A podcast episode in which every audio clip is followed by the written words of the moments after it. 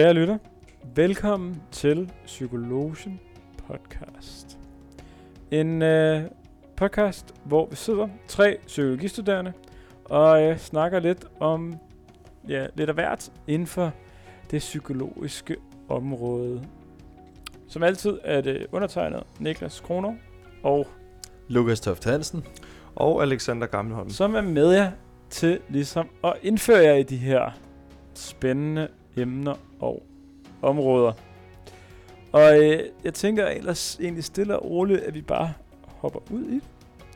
Og, s- og det er dig, Alexander, der har taget det med. Så jeg tænker, at du lige så godt bare kan få sparket bolden i gang. Så øh, må vi se, om dommeren flår til pause på et eller andet tidspunkt. Det øh, kan være, at han gør det. Øhm, jamen, det er rigtigt. Det er mig, der har emne med i dag. Og øh, i dag skal det handle om sportspsykologi. Øh, nogen, kaster, kan, eller nogen kalder det også for præstationens psykologi. Altså øh, præstere.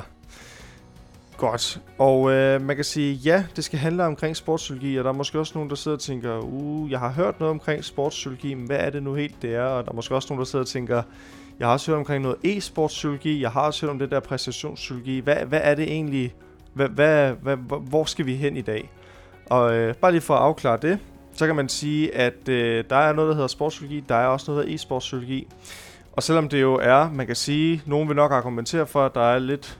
Der er selvfølgelig nogle ligheder imellem det, men der er også nogle øh, forskelle, som gør, at det godt kan karakteriseres som en gren hver for sig så kan man sige, noget af det, som man laver som sportspsykolog, i henholdsvis som det er i e-sportspsykologiens verden og psykologiens verden, øh, kan, er meget det samme. I hvert fald nogle af de teknikker, man trækker på, og nogle af det, det man laver for, for et øh, e-sportshold eller et sportshold. Så, øh, så de teknikker, som er det, vi skal fokusere på i dag, er sådan meget det samme, og derfor så bliver det også, altså, der bliver ikke som sådan, vi fokuserer ikke så meget på de her forskellige vi Jeg kommer bare til at nævne nogle, nogle eksempler undervejs fra noget sportspsykologi, fra noget e-sportspsykologi, og det er sådan, det kan man sagtens, fordi teknikkerne, som sagt, for en sportspsykolog er meget det samme, hvad man arbejder med, om det er sportspsykologi eller e-sportspsykologi. Godt. Men øh, man kan sige, udover det, så kan man sige, at sportspsykologi, hvis vi skal bruge det begreb for det, er studiet af, hvordan psykologiske faktorer, det ligesom påvirker sports, atletisk præstation, motion og fysisk aktivitet. Øhm, og øh, sportspsykologer vil jo så prøve at undersøge, hvordan kan vi forbedre den mentale sundhed øh, hos elitesportsudøvere. Og øh, ja, som sagt, så øh, skal vi lidt, vi skal dykke lidt længere ned i omkring, hvad, øh, hvad indeholder sportspsykologi? Hvad, hvad gør, hvad laver en sportspsykolog øh, på et hold, og både i forhold til inden for, for fagområdet, men også hvilke teknikker er der i forhold til det. Men jeg kunne egentlig godt tænke mig at lige starte med at kaste bolden over til jer to, og starte med at spørge lidt omkring, hvordan tror I, at man kan anvende psykologien i sport? Ja, man kan sige, altså, øh, man kan sige, meget sport handler jo lidt om, hvilket mindset man har, når man udlever det. Øh, ofte, hvis du kan sammen med, altså hvis man ser for eksempel professionel sport, hvis man kigger på nogle af de Øh, mennesker eller personer, som er i et godt, har en, man kan sige, har spillet godt på det seneste, så øges deres selvtillid, hvilket betyder, at de spiller bedre. Og så hvis det går dårligt på et eller andet tidspunkt, så kan man tydeligt se, at der er en forskel på, hvordan de spiller, fordi de ikke spiller med den samme selvtillid. Og selvtillid er jo meget sådan, øh, hvad kan jeg sige, meget op i ens hoved, op i ens tanker, med hvor god tror man, man er, hvor, hvor godt tror man, man klarer det.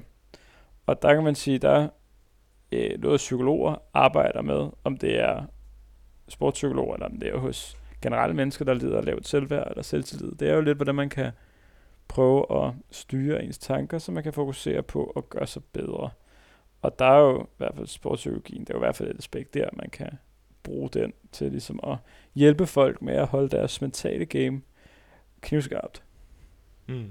Ja, jeg er helt enig, og det er jo sådan, at selvom at øh, de her sportsfolk er toptrænet i det, de laver tit, og øh, har gjort det tusind gange, og ved, har sådan meget, altså super eksperter på det, de laver, jamen, så er det jo stadig ikke robotter. Altså det er jo sammenlignet med, øh, med mennesker, der er i arbejde, og vi har også arbejds- og organisationspsykologer, så steder, hvor der er mennesker, så er der menneskelige faktorer, for eksempel mindset, Øh, for eksempel motivation, alle mulige ting. Øh, det der med at være bange for ikke at kunne præstere eller lave fejl, eller håndtere offentligheden, eller håndtere i det hele taget presset under et spil øh, hvis man kommer bagud, eller hvad ved jeg. På alle mulige måder, så tror jeg, at øh, psykologien kan hjælpe, fordi at den er så bred i forhold til at kunne hjælpe mennesker med alt muligt forskelligt.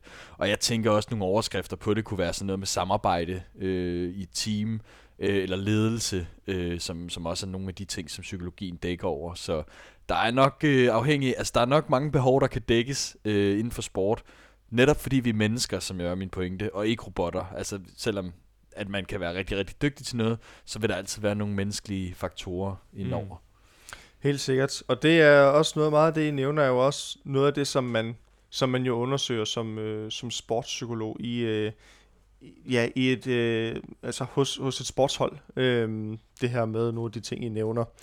Øh, men inden vi lige går ned i det, så, øh, så lige til at starte med, så øh, kunne jeg godt tænke mig at give jer lidt et historisk perspektiv i forhold til, hvor gammelt det her sportspsykologi er. Fordi det er faktisk ikke særlig gammelt. Øh, hvilket måske også kan forklare lidt omkring, hvorfor det er noget, som, altså man kan jo sige, det er ikke som sådan noget, som vi i hvert fald har haft så meget af på, øh, på studiet som sådan. Øh, så, øh, og det er der måske en grund til. Fordi man kan sige, sportspsykologi er en forholdsvis ung disciplin inden for psykologi, og øh, det første sådan forskningslaboratorium, øh, som blev dedikeret til, til sportspsykologi, det åbnede i, i 1925. Det var så, det var så et amerikansk laboratorium. Øh, og det holdt i cirka fem år, så i starten af 1930'erne, der lukkede det igen. Simpelthen på grund af mangel på interesse og mangel på, på øh, øh, hvad hedder det, finansiering og så videre, kunne de simpelthen ikke få det til at løbe rundt. Og så, øh, så genoptog de så studiet.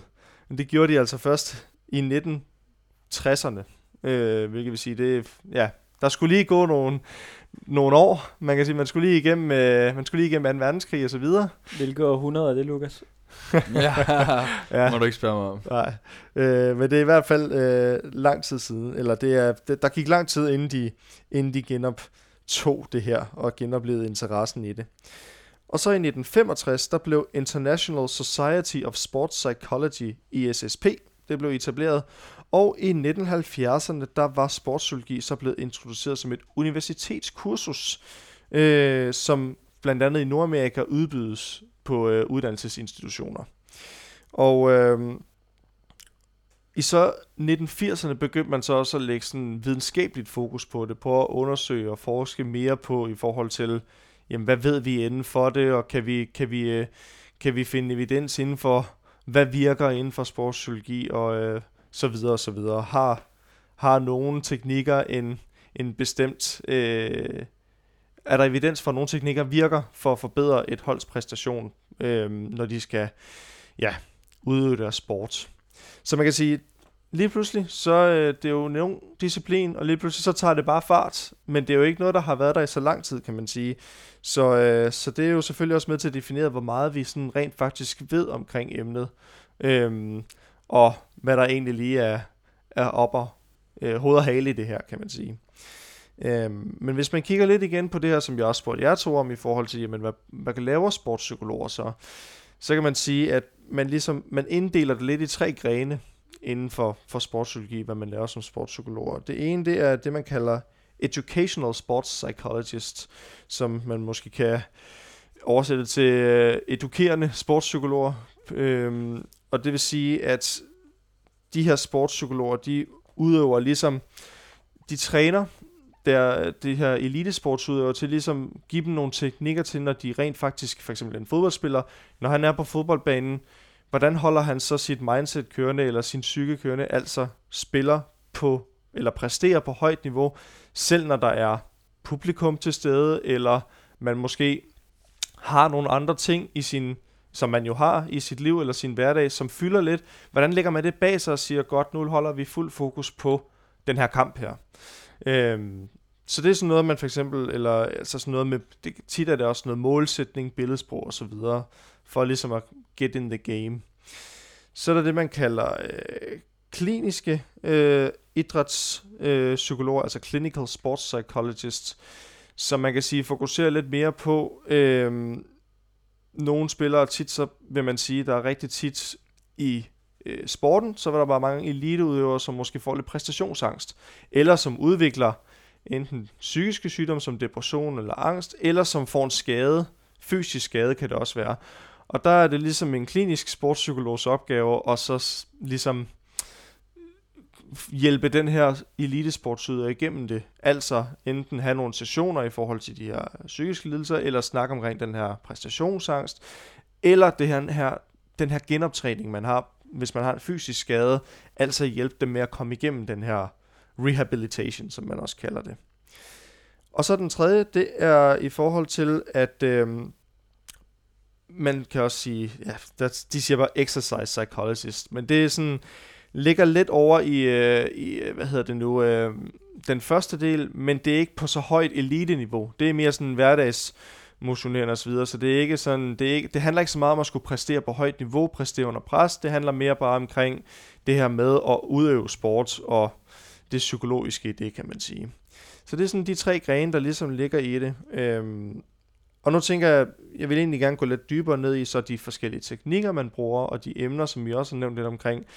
Men, øh, men jeg tænker for, at det ikke bare bliver mig, der skal sidde og snakke hele tiden, og der er lidt, lidt øh, ja, en samtale i stedet for at være monolog, så vil jeg egentlig bare lige smide bolden over til jer igen, og høre lidt omkring det her med, jamen, giver det mening først og fremmest det her, og altså de ting, man kan gøre som sportspsykolog, og er der nogle psykologiske faktorer, I tror er i spil, når man for eksempel skal præstere under pres, eller det at præstere på højt niveau?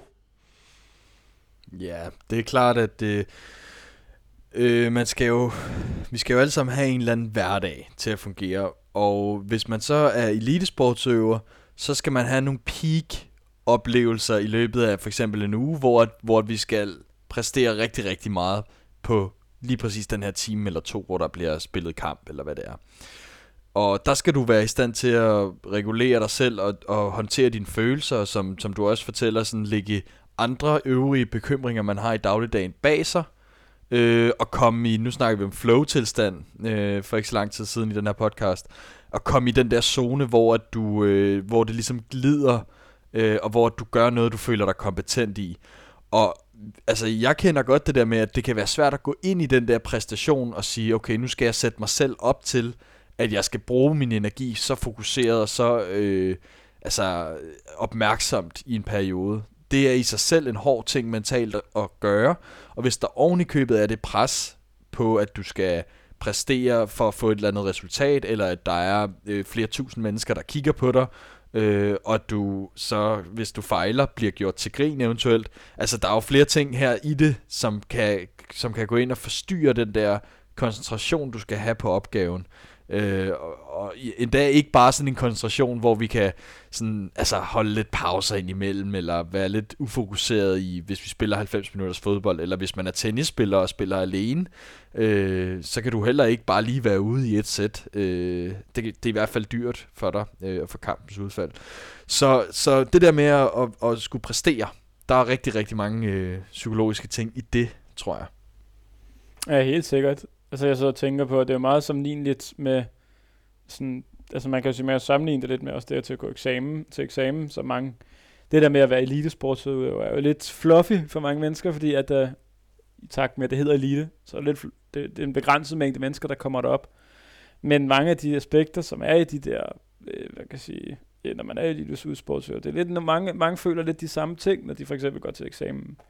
Det er det her med, fordi der er noget på spil, man sidder, mange mennesker, de sidder og tænker, okay, hvad hvis jeg ikke får en god karakter? Så kan jeg måske ikke komme ind på studiet. Det samme, hvis du spiller en dårlig fodboldkamp som en idrætssportsøver, hvad kan der så ske? Kan det betyde noget for min kontrakt, mit plads på holdet? Øhm, og, øh, og der giver det god mening øh, at have nogle hvad kan jeg sige, øh, teknikker og have nogle mennesker, der har styr på og kan hjælpe en med at styre sine tanker, så man ikke kan udelukke alt sådan snavset, alt øh, øh, atmosfæren og kun fokusere på det, der er lige foran en og i nuet.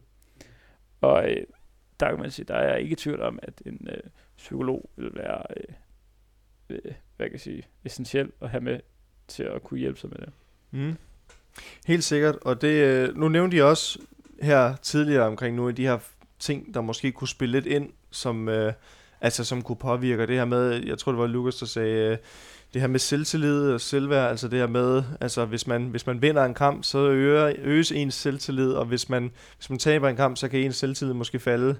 Ja, øhm. det klassiske studie, det er, når jeg siger noget af Lukas Jan. Ja. Ej, jeg husker det også, som om det var mig, der sagde, hvis det var, hvis det var klogt, så var det nok mig. Ja ja, ja. Men det, er, men det er sådan nogle ting, man går ind og, og kigger på. Blandt andet det, og så øh, især også motivation. Og det er, det er sådan nogle ting, altså hvad er det, der... Øh, alle sådan nogle fakt- psykologiske faktorer, der jo kan påvirke, hvordan du præsterer. Og det er jo det, man skal finde ud af, det er jo, man skal jo ikke nok med, at man skal kunne præstere på højt niveau, så skal man kunne blive ved med at kunne præstere på højt niveau. Ikke at man jo så siger, jamen det kan man, man kan komme op på et niveau, kun at kunne præstere perfekt. Det kan man jo selvfølgelig ikke, men det er ligesom den målsætning, det er den ambition, man skal have, at man skal, man skal kunne blive ved med at spille. Så for eksempel, man skal kunne ved med, når man sparker på mål, så skal man gerne kunne ramme eller score så ofte som muligt. Altså man skal holde sit niveau rimelig steady, eller øh, ja, på samme niveau, man spiller på. Ikke? Og det niveau kan også blive så påvirket af, når man så har tilskuere på, eller det er en vigtig kamp, der lige pludselig kan afgøre noget for ens karriere, eller hvis det er en pokalkamp eller et trofæ, man lige pludselig kan vinde, så er der lige pludselig nogle nerver på, hvordan regulerer vi de følelser, så det ikke får en betydning for præstationen. Yes, men det er også, som I siger, nogle af de ting, man kommer ind på. Øhm, og nu vil jeg bare lige hurtigt gennemgå nogle af de ting, som, som er sådan psykologiske faktorer inden for det. Den ene ting, det er, som vi selv har sagt, mental styrke, og det er blandt andet herunder selvbevidsthed, selvværd, eller undskyld, selvtillid og, øh, og motivation. Og man kan sige, øh, altså det her med, at man, altså self-trust, og øh, altså selv, selvtro, tillid, tillid til sig selv, selvtillid, øh, er rigtig afgørende tit øh, for, for eliteudøvere. Evnen til at for eksempel komme tilbage fra et tilbagefald, eller øh, når man taber en kamp, så vende sig selv til at sige, at det er ikke noget, der skal gå ud over min selvtillid.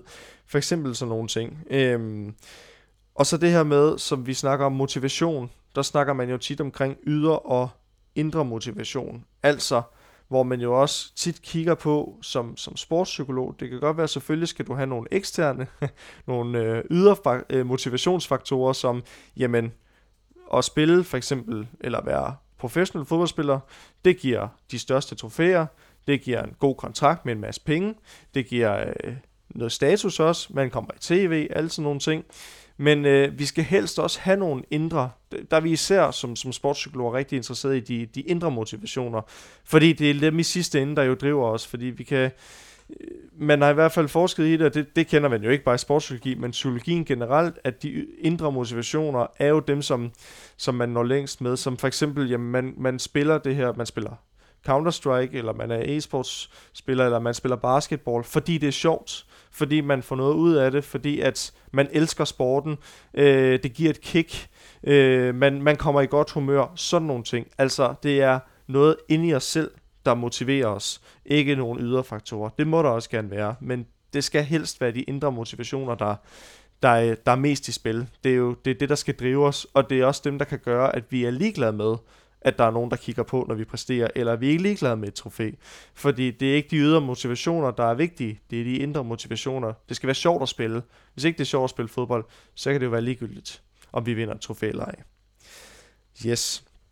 Så en anden ting, man også kigger på, det er det, man kalder opmærksomt fokus. Altså, man skal skærpe sin, sit fokus til at være koncentreret om en bestemt ting.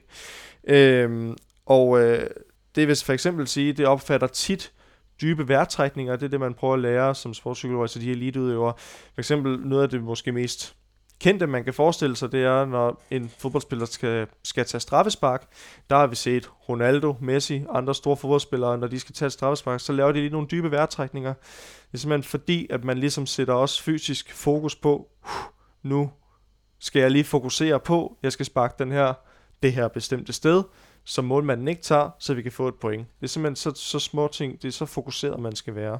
Og det er sådan noget som dybe vejrtrækninger.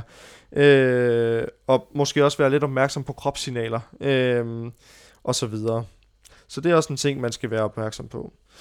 Og så en anden ting, det er, at man sætter rigtig tit nogle målsætninger. Altså når man arbejder med elitesportsudøvere, så er det vigtigt, at man har nogle målsætninger. Altså, hvad vil man gerne? Hvilke mål sætter man for sig selv?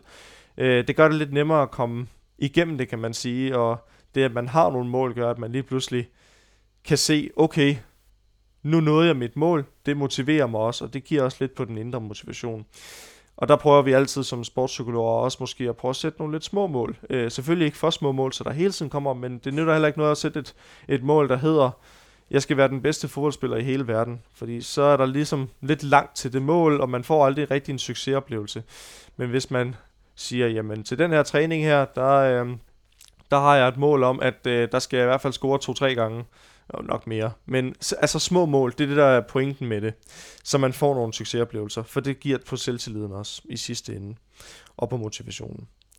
Og så snakker du også lidt, øh, Lukas, omkring teambuilding, eller det at arbejde sammen, og det er selvfølgelig også en rigtig vigtig faktor, fordi tit i sport, der er selvfølgelig nogle grene, som er individualistiske sportsgrene, men, men tit er teambuilding også en, øh, en faktor. Altså, man skal kunne fungere som et hold. Det er vigtigt i og med, at man kan jo godt være god som individualist, men for eksempel på et fodboldhold, der spiller man 11 mand på banen, man spiller ikke en mand på banen. Så man skal kunne finde sig, finde sig selv, men også kunne finde hinanden, forstå hinanden, spille sammen. Spille som et hold, ikke spille som en individualist. Yes. Øhm, så man kan sige, at alle de her ting, det er sådan lidt en personlig udvikling. Vi prøver hele tiden som sportspsykologer at personligt udvikle øh, eli, altså elitesportsudøvere. Hvad, hvad skal vi være opmærksom på? Hvad skal de være opmærksom på? Både i forhold til de her ting, men også personlighedsmæssigt. Ah, men den, jeg er måske lidt, jeg hælder måske til, til den her i personlighedstest, jeg er måske lidt indadvendt, eller jeg er ikke så god til at tage teten, når, øh, når der skal, når, når, eller råbe op, når der er noget galt. Det skal jeg blive bedre til, fordi det kan, hvis jeg ikke siger noget, så ved mine teammates ikke, at jeg er i problemer. For eksempel på, øh, på fodboldbanen eller på, øh, på Counter-Strike-banen, når man spiller ping, hvor du er henne, eller så ved vi andre ikke, hvor vi skal skyde, eller ved, hvor du er henne. Sådan nogle ting. Kommunikation, rigtig vigtigt, og personlig udvikling. Der er mange ting, øh, men jeg tænker også, at øh, vi skal selvfølgelig også videre, men, øh, men det er nogle af de ting, man kigger på som, øh, som, som sportspsykolog. Godt. Nogle af de her ting, jeg har snakket om, giver det mening for jer? i forhold til, det er noget af det, man, man kigger på som, øh, som sportspsykolog. Ja, 100 procent. 100 procent. Altså hvis man har været en, øh, hvis man nogensinde selv har været en del af, af en sport, hvor det var, som var holdbaseret, øh, så, øh, så er der ingen tvivl om, at mange af de her ting er essentielle. Måske også, hvis man har været nogen, der er individ, individbaseret. Fordi på trods af, at man måske er alene på banen, har man vel som oftest nogen, der støtter en fra sidelinjen, eller øh, hjælper en til at forberede sig til kampe og træne en og sådan nogle ting. Så det her med øh, teamwork er jo, øh, øh, som det sidste pointe, er jo øh, helt centralt i øh, mange ting. Vi så så sent som i sidste uge, hvordan øh, øh, tre individualister på PSG ikke kunne klare sig mod, øh, eller Paris hold i fodbold, kunne klare sig mod Real Madrid. Øh, som var... Øh, Ja, hvilket, hvilket man siger, understreger pointen i, at det måske er mere holdet, der, der er det vigtige frem for egentlig den enkelte mand. Og så kan den enkelte mand være så sindssygt god, øh, hvilket også er rart, hvis han også kan fungere på holdet. Mm. Ja, det, jeg ved ikke, om du havde noget at tilføje til, Lukas, men det, det er fordi, det Niklas nævner er faktisk noget af det næste, jeg faktisk lige ville lægge over til at spørge. Det her med, når et hold lige pludselig, som ellers er spækket med stjerne spillere, nu tager vi PSG som et eksempel, hvor at man kan sige, at vi har øh, ja, måske det, man vil kalde nogle af de dygtigste fodboldspillere, i hvert fald på individuel plan, øh, altså i forhold til at spille fodbold. Øh, og måske for lige at opsummere for dem, der ikke lige har lyttet, så, øh, så var det en fodboldkamp, hvor at øh, PSG i forvejen havde en, øh, det var en kamp, der blev spillet over to omgange. PSG havde i forvejen øh, the upper hand, hvis man kan sige det sådan, de førte øh, på det, man kalder aggregate øh, af en eller anden samlet. grund. Samlet. Ja. ja. Og de spillede mod Real Madrid. Og øh, alligevel, så... Øh, ja, de skulle selvfølgelig spille på udebane anden kamp, som man kan måske argumentere for også har en betydning. Men de kommer foran 2-0, og så lige pludselig på... Ja, jeg tror, det er på måske en 7 minutter, så vender det lige pludselig til, øh, til 3-2 til Real Madrid, og så vinder Real Madrid 3-2. Altså det her, man jo snakker om, som jo er et kollaps, vil mange jo kalde det, Altså, nu snakker Niklas omkring det her med for eksempel det at kunne arbejde som team. Men er der andre ting, nogle af de psykologiske faktorer, som vi også snakker om og nævnt, hvor I tænker, der er måske noget her, der skal, der skal arbejdes på?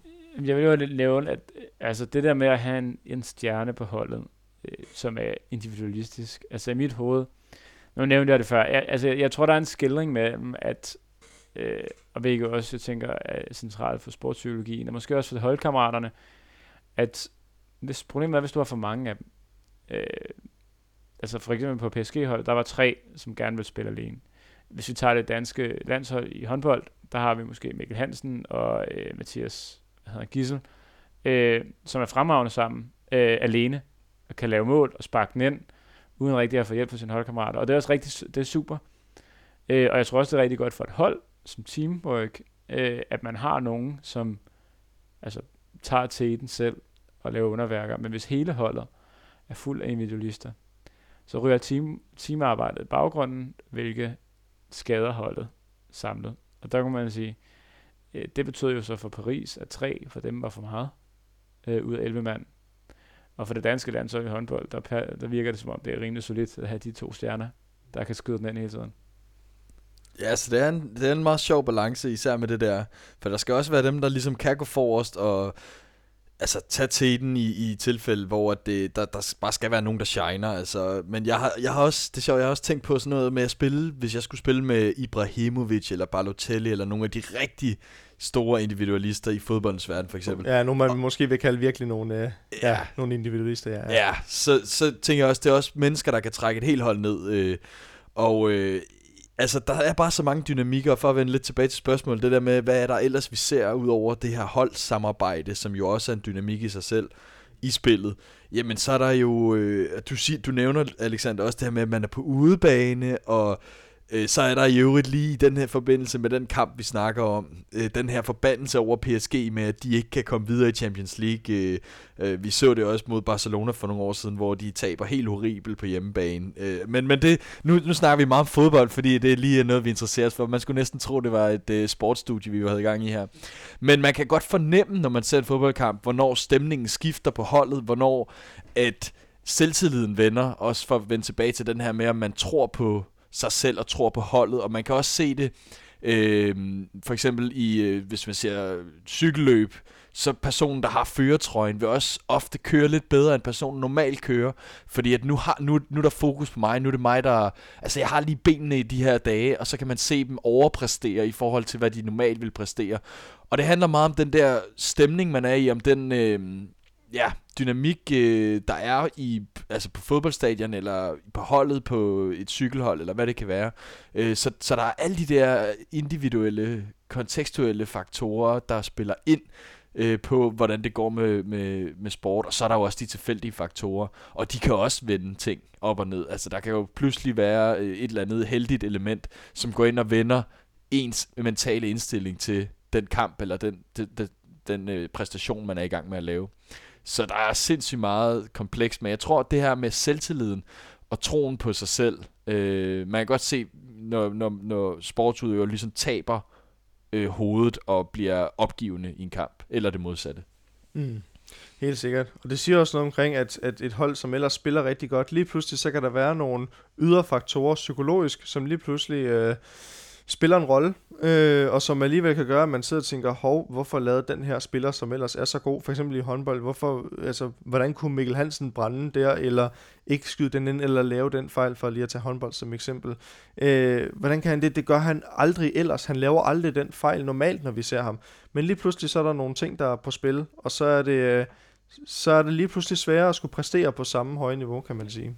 Man ser det i alle alle store sportsarenaer, øh, i fodbold, i tennis, i håndbold, øh, basketball osv., de første, altså selvfølgelig afhængig af kampens længde, men i hvert fald sådan, specifikt i fodbold, de første 10 minutter af alle kampe, der spiller noget, det er en, fucking, det er en flok, flok børn, der løber rundt og, og prøver at ramme hinanden. Altså fordi folk, de er nervøse, fordi der er meget på spil, hvilket giver god mening. Og øh, så handler det jo om undervejs, når man ligesom kommer længere og længere ind i spillet, og bliver, bliver mere opslugt, så får man så prøvet og igennem træning og mindset, og igennem, ja, hvordan man ligesom, øh, og man kommer af det, vi snakker om, flow, øh, der begynder tingene så at blive selekteret fra, afhængig af, hvor meget de betyder. Og det vil jeg gerne skal, for man kan performe. Fordi som det er med alting i livet, så hvis vi fokuserer på én ting, så bliver den gjort bedre, end hvis vi ser på mange ting på en gang. Mm. Helt sikkert. Og det, derfor er der så mange ting, som, som, øh, som kan spille en rolle. Og vi taler rigtig meget omkring det, de her miljømæssige faktorer, og vi kan give nogle redskaber, eller nogle teknikker i hvert fald, som psykologer i forhold til måske at prøve at forbedre, at man kan præstere under pres, og så videre, og så videre. Men øh, der er en anden ting, som jeg også, øh, som, som vi måske ikke kommer udenom at skulle diskutere, og det er det her med, at selvfølgelig, at miljøet kan spille en rolle, men om personligheden også kan spille en rolle. Og der øh, har jeg en bestemt person, jeg, jeg tænker på i forhold til personlighed, og jeg kunne godt tænke mig, nu siger jeg et citat, som vedkommende har sagt, og så øh, kunne jeg godt tænke mig at få at høre, bare for sjov, om I kan gætte, hvem personen er. Den første sætning, det er, When you buy me, you are buying a Ferrari. Så når du køber mig, så køber du en Ferrari. Jeg tror allerede, I godt... Jeg har et bud. Ja, Altså, jeg vil sige, Ibrahimovic kunne godt have sagt det, ja. men jeg ved det ikke, om det er ham. Nej, men han er jo ikke specielt hurtig.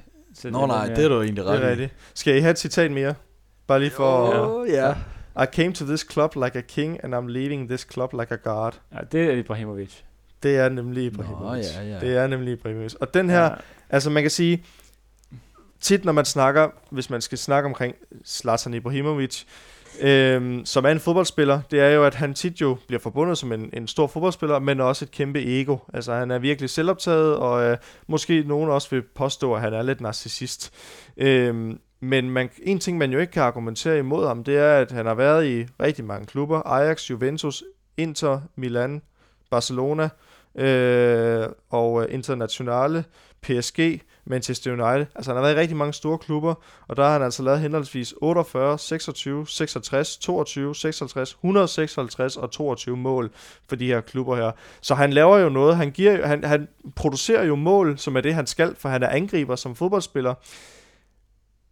Og det jeg gerne vil frem til, det er, altså er der også, vi kan jo give de her teknikker som sportspsykologer til, til elitesportsudøvere, men i forhold til alligevel, hvem der lige kommer op på det, på det højeste niveau, spiller personligheden alligevel også en rolle, uanset hvilke teknikker man bruger. Er der også bare et element af, for eksempel det her med at have høj selvtillid, bare at være øh, måske også lidt selvklæd og så videre. Har det alligevel en betydning for, hvor højt vi kommer på niveau, eller måske har nemmere ved at komme på højere niveau? Jeg tror det, men jeg tror, altså for eksempel det med at være øh, lav på emotionel stabilitet, det tror jeg for eksempel vil være en, måske en lille svaghed. Men altså fordi at så kan du hurtigt blive slået ud af, af de ting, der sker i under kampen. Øh, hvis du er meget følelsesmæssigt påvirket. På den anden side, så kan du også blive mere engageret, hvis du er det. Men jeg tror faktisk, at man kan bruge sin personlighed i spil, som den er. Altså man har forskellige styrker. Nogle vil være mere individualistiske, og for nogle vil det fungere, fordi det giver en selvtillid, og giver en eller anden øh, tro på, også måske for nogle af de andre på holdet, at vi, øh, vi kan godt klare det her, fordi at øh, jeg er Gud, jeg er en Ferrari. Selvom Niklas siger, jeg er ikke, altså Ibrahimovic er jo ikke hurtig. Nej, men det mener han selv. Altså han, han er ligeglad. Altså, Eller han er bare flot og dyr ja, som ja, en Ferrari. han, ja, ja, altså, det er han fuldstændig ligeglad med. Han siger, ja. hvad det passer ham, ikke? Så, altså, jeg tror, at man kan have mange forskellige personligheder, som kan virke ind på mange måder, som kan bidrage til, at, altså, man skal bare bruge sine styrker, og, og der findes jo øh, der findes sådan et sjovt system, øh, Ulrik Vilbæk han har udviklet, som er sådan, svarer lidt til det der disk øh, profiler, man kan lave, hvor man kan få ja, øh, tjekke sin personlighed, hvem man, hvor man hører til. Og der har han lavet sådan nogle øh, forskellige koder, farvekoder for, hvad man er for en type. Og det har han gjort for, da han var landstræner, for at de skulle forstå hinanden. Forstå, hvem der øh, bliver temperamentsfuld i den her situation, og hvem der bliver en, øh, Øh, går, går over og bliver øh, usikker og sådan nogle ting, som, som man ligesom kan snakke sammen på tværs. Øh, så jeg tror, en opmærksomhed på det er altid godt, men jeg tror, jeg vil ikke udpege en type, personlighedstype, som jeg vil sige, har en fordel i sport generelt. Det ved jeg ikke, om, om du vil, Niklas. Nej, altså jeg tror, der, der, der, det handler om at finde en eller anden balance, fordi jeg ved det ikke, altså selvtillid spiller tydeligt en, op, en, en, tydeligt en rolle, men et oplæst ego er jo et spørgsmål om det. Altså det fungerer jo for øh, Ibrahimovic i den fasong, at han er god, og derfor, altså han er jo god, ellers scorer man ikke så mange mål, og derfor så ligger det jo til ham, eller på en eller anden måde komplementerer det ham at have meget selvtillid. Altså jeg sidder og tænker sådan noget, altså jeg ved ikke, hvad jeg skulle placere det i forhold til personlighedstræk, men sådan en personlighed, hvor man, øh, man, man går op i de ting, man laver, og man øh, er hvad kan jeg sige, man vil gerne være den bedste. Det tror jeg er sådan en, en drivende personlighed af en eller anden art. Jeg ved ikke, hvad det skal være, men det tror jeg er en af de ting, der er mest øh, det vil jeg sige, det er øh, kendetegnet for en af de, nogle af de bedste eliter øh, udøvere. Og så det, at man bare genetisk har en fordel inden for den sport. Altså, du bliver ikke, du bliver ikke Mikkel Hansen, og alle, alle kan ikke blive Mikkel Hansen og Mathias Gissel og øh, Karoline Wozniacki og øh, vil jeg sige, hvad de end ellers hedder, ved bare at træne. Altså, vi kan jo ikke alle sammen blive lige så gode som dem. Vi er nødt til at have en eller anden form for genetisk udgangspunkt, der disponeres til at kunne blive motorisk så dygtige. Øh, og øh, der tror jeg, at sådan, der kan man træne så meget, man har lyst til, men det er ikke alle, der kan blive så gode. Mange kan blive rigtig gode, men de kan ikke blive så gode. Øh, så det er i hvert fald, man kan sige for mig, i mit hoved, starten. Og så derefter, så er det selvfølgelig, øh, er jeg sikker på, at personligheden spiller ind øh, i forhold til, at man er altså sådan, øh, udadgående, øh, og man kan håndtere sine nederlag undervejs og bruge, benytte sig af dem og alt muligt. Øh, 100% hvad jeg tror, øh, hvad jeg tror, dri, dri, hvad hedder, viljen og driften efter at ville mere, kombineret med en omgang talenter, det tror jeg er cocktailen til en, til en eliteudløber. Mm. Ja, og jeg, undskyld, jeg hører også noget samvittighedsfuldhed øh, i det, du siger med det der med at, at være konsistent i sin træning og sådan, altså gå efter det, altså uden, uanfægtet ens talent, men virkelig kæmpe for det. Og der kommer jeg jo til at tænke på, hvis man stillede en, en spiller som Ronaldo op over for Bentner, øh, og se på, hvem, hvem tror jeg har trænet mest, arbejdet mest, været mest samvittighedsfuld i sin fritid. Øh, og hvordan er det så gået? Det, det var bare lige et eksempel på, i hvert fald øh, Ronaldo, en spiller, som, som har rigtig høj arbejdsmoral. Og det er jo et, et personlighedstræk, hvis vi mm. snakker samvittighedsfuldhed. Det var nok ikke ligge, så vidt jeg vil forstå det under conscientiousness, ikke også? Altså det her med mm. altså se arbejde, høj arbejdsmoral, øh, som vi, altså det her med at, at ligge, altså man er arbejdsom. Øhm, og det er jo også noget, som, øh, som man siger har en, en betydning. Det er jo meget interessant. Man kan sige, at vi altså, kunne snakke omkring det her i meget lang tid. Og man kan sige, for mig er det i hvert fald også et meget spændende emne. Det håber jeg, det er for, for mange, men, men, men for mig, der også har, har stiftet bekendtskab med det i, under min praktik på psykologistudiet, der, øh, der er det nok ikke nogen hemmelighed, at, at det er et lille hjertebarn for, for især mig. En sidste ting, jeg bare lige vil runde i forhold til det her, inden vi, vi runder af for, for den her gang, det er, at lidt i forhold til sportspsykologers rolle, og måske lidt noget anerkendelse for sportspsykologer i sportens verden.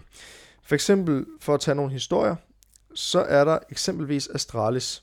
Det er jo kendt som at være et e-sportshold, som uh, spiller Counter-Strike Global Offense, som er et, ja, et computer eller et, øh, øh, et, et computerspil, øh, man spiller online mod hinanden. Øh, og de anses jo for, og har i hvert fald i lang tid, øh, nu er jeg ikke helt opdateret lige præcis nu, på hvor, hvor, hvor, hvor langt op i rang de egentlig ligger. Men de har i hvert fald været anset som at være verdens bedste, og vandt også i 2016 øh, hvad hedder det nu, verdensmesterskaberne i, i CSGO. Øh, så det, det tyder noget på, at de i hvert fald har været verdens bedste. Og senere har de selv faktisk hævdet, at grunden til, at de vandt, havde mulighed for at vinde og blive verdens bedste, det var faktisk deres sportspsykolog, som er Mia Stelberg. På det tidspunkt var det Mia Stelberg. Øh, og at det ligesom var deres hemmelige våben. Øh, og de sagde selv, eller hun, hun udtalte selv det her citat, der hed, they had to master their mind before they could master the game. Så det kunne godt være, at de, øh, de, var, øh, de var rigtig gode i spillet og så videre, men de var også nødt til at have deres mind under kontrol, eller mestre det, for ellers så kom de aldrig nogensinde til at mestre spillet. Og et, et eksempel var blandt andet, jeg tror, mener jeg har, uden at være helt sikker, læst en historie med, at de blandt andet, de har de her coaching, du ved, individuelle coaching samtaler, men de har også gruppe coaching, hvor de sidder sammen og taler omkring nogle ting, og der er nogle øvelser omkring det, og hvor at at de fandt ud af, at de kom lidt tættere på hinanden. Øhm, det her med, at de begyndte at have noget teambuilding, lave noget sammen, altså de kunne snakke om nogle ting, de havde nogle ting til fælles endnu mere. Altså de kom endnu mere tættere på hinanden. Og det betød også, at når de spillede, så var det som om psykologisk, at de også mere vidste, vi har hinandens rygge, vi spiller som et hold, altså den morale, vi spiller ikke for individualisering, vi spiller for holdets skyld. Det var ligesom motivationen, der ligesom kom frem der. Altså sådan nogle ting, og der sagde de, at det var deres sportspsykolog, der ligesom var, var kilden til det, og dermed sagde de, var kilden til, at de havde den succes, de havde, og var, var verdensmestre. Øhm, og så for at nævne et andet eksempel, så kan man sige inden for fodbold, for at tage det eksempel en gang til, det har vi jo ikke haft nok eksempler i forvejen, men øh, der kan man sige Manchester United, et rigtig kendt fodboldhold, øh, har lige hyret to nye sportspsykologer i klubben, fordi at øh, ja, der i hvert fald går nogle rygter om, at det, går, i, altså det kan ses ligesom på resultaterne, det går ikke så godt for Manchester United lige nu, i forhold til det, de præsterer med. Og der øh, er der mange rygter omkring, at det ligesom er truppen, der ikke fungerer særlig godt. De har masser af rigtig dygtige spillere, blandt andet Ronaldo. Cristiano Ronaldo spiller i Manchester United, som ses for at være ja, øh, en af verdens bedste fodboldspillere. Men der er alligevel, som vi også har snakket om tidligere, jo nogle, ja, noget, spor, noget hold, der er også, øh, altså man skal også kunne spille som et hold. Og der har de altså hyret to sportspsykologer, fordi der er simpelthen noget, der skal ske her. De bliver, kommer aldrig over det her, hvis ikke de får noget mentaltræning der, eller noget gruppe coaching. Spørgsmål til jer som det sidste her, det er egentlig bare, altså i forhold til, nu ved jeg, I er nogen, der selv ser meget sport, i hvert fald øh, ser sport, øh, og det tror jeg, der er rigtig mange, der gør. For sportspsykologer for lidt anerkendelse i forhold til de arbejde, de laver med et hold? Det er svært at sige. Er også måske lidt bias, når vi sidder selv som snart psykologer. Ja, men, uh... fordi du nævner jo selv, at for eksempel Astralis øh, nævner deres sportspsykolog, og jeg tror, at jeg har i hvert fald hørt andre steder, at det har været en vigtig del af teambuilding, af alt muligt, jeg ved for eksempel øh, sådan en som B.S. Christiansen, som ikke er psykolog, men han har været ansat både i øh, Saxo Bank, øh, dengang Bjarne Ries ejede dem, og, og tog ud med teambuilding med dem, og, og nu er han i FC Midtjylland, hvor han også står for mental træning. Så jeg tror, at det der det bliver mere og mere populært, og man taler også i sport ofte om marginaler, og hele tiden at optimere ens præstation eksempelvis, og det, det, det er så det nye, at det er så den psykiske og mentale indstilling til sporten og til præstationen, som vi skal optimere nu. Øh, og jeg tror, at det kom, bliver mere og mere anerkendt. Jeg tror i hvert fald, at der bliver ansat flere og flere sportspsykologer rundt omkring, øh, fordi at det er et aspekt af spillet, som man har mere og mere fokus på. Så, øh, men jeg ved ikke om det, ja, det er jo et arbejde. Øh, så, altså jeg ved ikke, der er mange i staben bag et, for eksempel et godt fodboldhold, som, som sikkert kunne bruge mere anerkendelse. Så jeg ved ikke, om de skal anerkendes mere eller mindre sportspsykologer. Nej, lidt på egen hvor, eller samme hvor. Altså, øh, jeg ved det ikke. Det er selvfølgelig meget fint med anerkendelse, men ja. Ja, jeg, jeg, jeg tror også, altså jeg tror, det, det kommer stille og roligt. Øh, det er jo, øh, den sportspsykologiske gren er jo lidt, det vi også snakket om under flow, lidt, lidt den ændring, der er sket inden for psykologien her de sidste øh, 20-30 år. Øh, lidt mere måske. Det her med, at man fokuserer på, hvordan man kan optimere mennesket, i stedet for at se på, hvordan man kan helbrede mennesket, når det er blevet skadet. Øh, og det vinder mere og mere ind, øh, den fokus der, så der kommer der nok undervejs flere og flere mennesker ind, og brug for flere og flere mennesker. Men det er jo sådan lidt sådan prestige spørgsmål, synes jeg er lidt svært, fordi et, det, ikke, alle mennesker har jo, alle, jeg synes alle mennesker behøver mere prestige i deres arbejde. Jeg synes det, sygeplejerskerne, øh, sociorådgiverne, bankmænd, øh, alle, for, alle har jo en vital rolle at spille. Øh, og øh, ja, og øh, jeg tænker, at samfundet det retter sig efter, hvad der er behov for. Man kan også spørge, i og med at vi jo selv har læst på psykologistudiet her, i hvert fald på SDU, og jeg mener heller ikke, det er noget, som er på, på nogle af de andre uddannelser på psykologi, altså det her med sportspsykologi som, som et emne, som en ting, altså om det kunne være et sted at starte der, øh, eller skal der, skal der være det?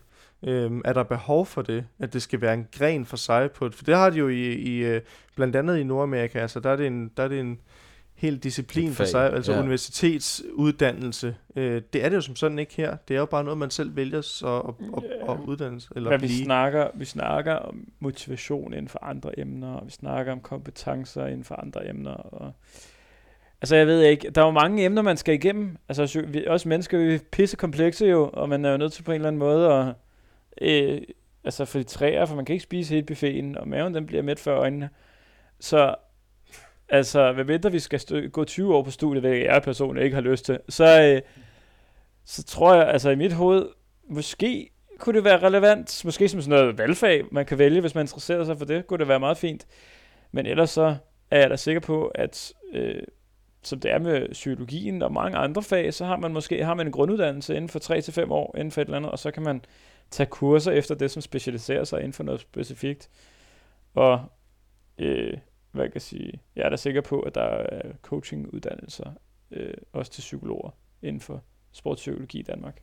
Helt sikkert. Jeg tror også, at altså jeg tror mange tingene, man laver i sportspsykologi, kan gå ind under arbejdsorganisationspsykologiens domæne, så, så, og det tilbydes jo som regel som fag øh, i en eller anden form. Så øh, det er jo selvfølgelig markedet, der i sidste ende afgør det. Hvis der lige pludselig, hvis alle øh, juniorhold i alle sportsgrene skulle bruge en psykolog, så havde man selvfølgelig oprettet en, øh, en, et fag for det. Så ja, det, det, det kunne da være interessant. Altså, jeg vil da gerne tage det fag. Øh, men jeg ved ikke, der, hvor, hvor stor efterspørgselen er på sportspsykologer, når man så kommer ud og bliver færdig. Altså, jeg kan fortælle, i min, der er et lokal klub i Odense, der hedder, jeg tror det er Munkebos. De har lige efterspurgt en mental coach, som så skulle være på frivillig basis. Ja, præcis. Mm. Ja. Hvilket er, hvad jeg kan sige, øh, undertrykker, at der er flere og flere, der forstår vigtigheden af at have nogen, der kan hjælpe mentalt, men måske også øh, siger, at markedet måske ikke er til, at det er så vital en del nu, at det skal Mm. mm. betales for. Og lige præcis den, den du nævner, øh, for at slutte af på den, Niklas, er noget, der, der tit også forekommer øh, i forhold til det her med, at vi selvfølgelig efterspørger det, man kan sige, man efterspørger jo alt, og lige pludselig at bliver det også nemmere at efterspørge noget, hvis det for eksempel er gratis eller ikke koster så meget, men finansiering er jo også en del af det, der måske gør, at, at det ikke er alle, der heller lige har øh, en coach eller en sportspsykolog på sit hold, selvom det selvfølgelig vil være dejligt, men øh, ja, det koster også noget i sidste ende, kan man sige. Og psykologer er dyredrift. Det er det. Så, men øh, det var egentlig det, jeg havde for i dag. Jeg håber, det har været interessant, og selvfølgelig nu har vi snakket meget omkring, først og fremmest har vi snakket meget omkring fodbold som eksempel, og det er jo, altså, man skal jo huske at nævne, at det jo selvfølgelig ikke kun gælder fodbold, eller gælder Counter-Strike i e-sport. Det gælder selvfølgelig sport generelt i forhold til de her teknikker og så videre. Øhm, Mm. og Og så, har vi jo ikke engang diskuteret, om, øh, om Counter-Strike er en sport. Nej. det, det tror jeg, det, det, det kunne være, det skal være en part 2, Mhm. mm-hmm. en der bare hedder e-sportspsykologi. Øhm, men man kan sige, at uanset hvad, så, øh, så er det som sagt, at det der var meningen med det her oplæg, er selvfølgelig også at understrege vigtigheden af psykologien inden for, når man laver øh, fysisk sport, og det er, med, at man jo tit siger, jamen, der skal meget hård øh, fysisk træning, ligesom man ligger meget øh, vægt i fysisk træning, men, men mental træning er også vigtig for at, at kunne præstere. Men med det, så vil jeg sige, det var alt for mig. Ja, men uh, tusind tak for et spændende oplæg. Altså, vi plejer jo at sige, at der er jo nok til at lave flere episoder. Her, der vil jeg faktisk sige, at der er nok øh, materiale i det her emne til at lave en helt ny podcast. Ja. Og øh, om den skal hedde Sportslotion, eller øh, Psykosport, eller øh, hvad den skal hedde, det må vi finde ud af. Men øh, Ja, ja, jeg føler, og, og det er rigtig nok, som du siger, vi, vi interesserer os meget for fodbold, og derfor bliver det ofte det, så jeg håber, at det har været til at følge med. Mm. Men øh, ja, under alle Ja, omstændigheder. altså, jeg vil argumentere for, at Ronaldo og Messi er de mennesker i verden, der er kendt, Ja, mest kendt på tværs af alle kontinenter. ja, præcis. For jeg har hørt kammerater, der har været oppe i bjergene i Nepal, eller nogen. Jeg har sådan en kammerat, der har været rundt om i, øh, i sådan de, små, de mindre små asiatiske byer, sådan, hvor der ikke rigtig nærmest ikke er strøm endnu. Og, sådan noget, og Mm. der løber folk rundt med t-shirts med Ja, ja, dem på ryggen, ikke? Så, præcis. mm. Ja. de er kendte. Mm. ja, Så- så jeg vil sige, det er jo. Det er rimelig generelt, ja. Ja. Øhm, jeg tror også, Ronaldo har flest øh, Instagram-følgere Alle. øh, af alle i Ja. verden. Så øh, jo, så I har nok kunnet relatere øh, på en eller anden måde, eller i hvert fald kunne øh, forstå, hvad vi har snakket om forhåbentligvis. Og øh, nu vil vi afslutte ved at øh, lige tage vores lille leg, SP eller K. Så nu skal vi præstere, så må vi se, om vi kan stå for presset. Mm. Og det er Niklas, der skal starte med at være under lupen. Ja, det er, jo- det er, jo, man kan sige, det er jo meget fint. Så har der ikke nogen... Altså det værste, man ved, det er jo for eksempel, hvis man skal op og fremlægge foran klassen, at lige Anne, Anne Lotte, der plejer at få 12 i alle, alle fag, hun, hun blev lige trukket før en, og så skal man op og præstere Ja. efter hende. Og det er jo noget. Så jeg er glad for, at jeg får lov til at starte. Og jeg tænker, at jeg tager for, for sjov skyld et Der blev der stille. P. det var et sjovt P. Et P. Ja. Ja. Øh, hvis du i procent skulle sætte, hvor stor en værdi en sportspsykolog har for et sportshold. Det vil sige 0% det er, det har ikke nogen indvirkning. Man behøver ikke en sportspsykolog på et hold. De kan klare sig fint. Og 100% det er, jamen en sportspsykolog har, altså alt det, som et, et sportshold gør, det kan du takke sportspsykologen for. Hvor vil du placere en sportspsykolog i forhold til værdi så procentmæssigt på et sportshold? Uha, det er da svært. Altså også fordi sportshold, snakker vi elite, eller snakker vi Lad os, sige, lad os sige elite, at vi er oppe på et, øh, altså Ja, for jeg vil sige, det er elite-niveau. vigtigere på en sportspsykolog på et elitehold, end det er på et mindre hold. Øh, Mm. Der er jo flere ting på spil. Lad os sige, det er Øh. det her med at skulle præstere under pres, og det er på elite-niveau. Okay, altså jeg vil nok sige, på elite er det ret relevant. Øh, der er jo ikke mange mennesker, der er relativt øh, enrådige, kan gå køle igennem, at der er 60.000 mennesker, der står og kigger på dem, mens de øh, spiller noget, der kan betyde, øh, spiller en kamp, der kan betyde enden øh, på deres karriere, hvis de fucker op, eller øh, hvad kan man sige, steppebrættet op til noget mere, hvis det går godt. Så jeg vil da sige, nogen, der kan hjælpe dig med din mentale egenskab, så må måske være omkring de der 70 procent, tror jeg. Jeg tror, vi snakker almindelig hold. Øh, Ja, lad os bare tage den også, Øl, ølbold i serie 5, der er nok ikke mange, øh, der forestiller mig, at en mental coach er specielt. Så er det i hvert fald nogle andre ting, der skal fokuseres på. Der er måske også nogle ydre, mo- ydre motivationer, som øl, der, Ja, der Så, trækker. så gutter, ja, nu skal vi ind og koncentrere os. Ja, kan spille godt første anden halvleg, så kan vi nyde tredje halvleg. Ja. Ja, Ja. Et eller andet. Yes. Ja. Jamen, Spændende, er det, det var et højt tal. Og øh, så øh, tager jeg jo et... Skal vi tage et S? Vi tager et Du S. tager det S. Uh, Ja, så kan du selv få efterlader den K. gode til mig. Ja, tak. Ja. Ja. Sandt eller falsk? Den psykologiske del af sporten er lige så vigtig som den fysiske del, og nogle gange også vigtigere end den Øh. fysiske del. ja, men igen, den der attitude for eksempel, du kan se hos sportsfolk, der kan du tydeligt se, at præstationen kan blive meget påvirket. Det er klart. Altså, hvis vi lige skal tage den, altså mangler du et ben, så kan du ikke spille fodbold. Det er en fysisk øh, omstændighed, kan man sige. Altså, og, og som Niklas også siger, du skal have et eller andet talent. Der skal også være noget genetisk, der hænger sammen på en måde, som gør, at du kan udføre din sport. Øh, der vil for eksempel også være altså, noget med højde i basket og sådan noget, som giver dig en fordel. Og sådan vil der være i din fysiske formåen rigtig meget. Men er det så sandt, at at psyko, det, psykologien er, er vigtigere, det kan vi jo godt sidde og tænke her. Men der vil jeg så, fordi vi er så biased imod det mentale og det psykologiske, så vil jeg sige nej, det er ikke sandt. Det fysiologiske er mest afgørende, når du skal præstere sport. Mm-hmm. Ja, jeg, jeg er helt enig. Men ikke i e-sport, vil jeg faktisk sige. Der vil jeg faktisk sige, at det modsatte er gør sig gældende. Mm-hmm. Jeg vil stadig holde på fysik. Uh, det kan også godt være. Mm. Nå, så ja. Interessant. Jeg siger falsk. Ja, interessant. Fedt. Fedt. Og det efterlader jo så K med mig, som er, at jeg skal argumentere for, at uh, sportspsykologi det er et overdrevet fænomen, som ikke bør have samme fokus, som det ellers hævdes, at det skal have. Så nu har jeg ellers lige siddet og... Uh, Man kan godt mærke, hvilke bias spørgsmål, der er kommet undervejs. Så det er nok meget sundt, at få den her. ja, det er nemlig det. Så jeg tænker, nu har jeg jo siddet og virkelig været... Uh, uh, talt det op her de, de sidste 53 minutter, så nu tænker jeg, nu skyder jeg lige hele lortet ned og siger, at det kan vi ikke bruge til en skid.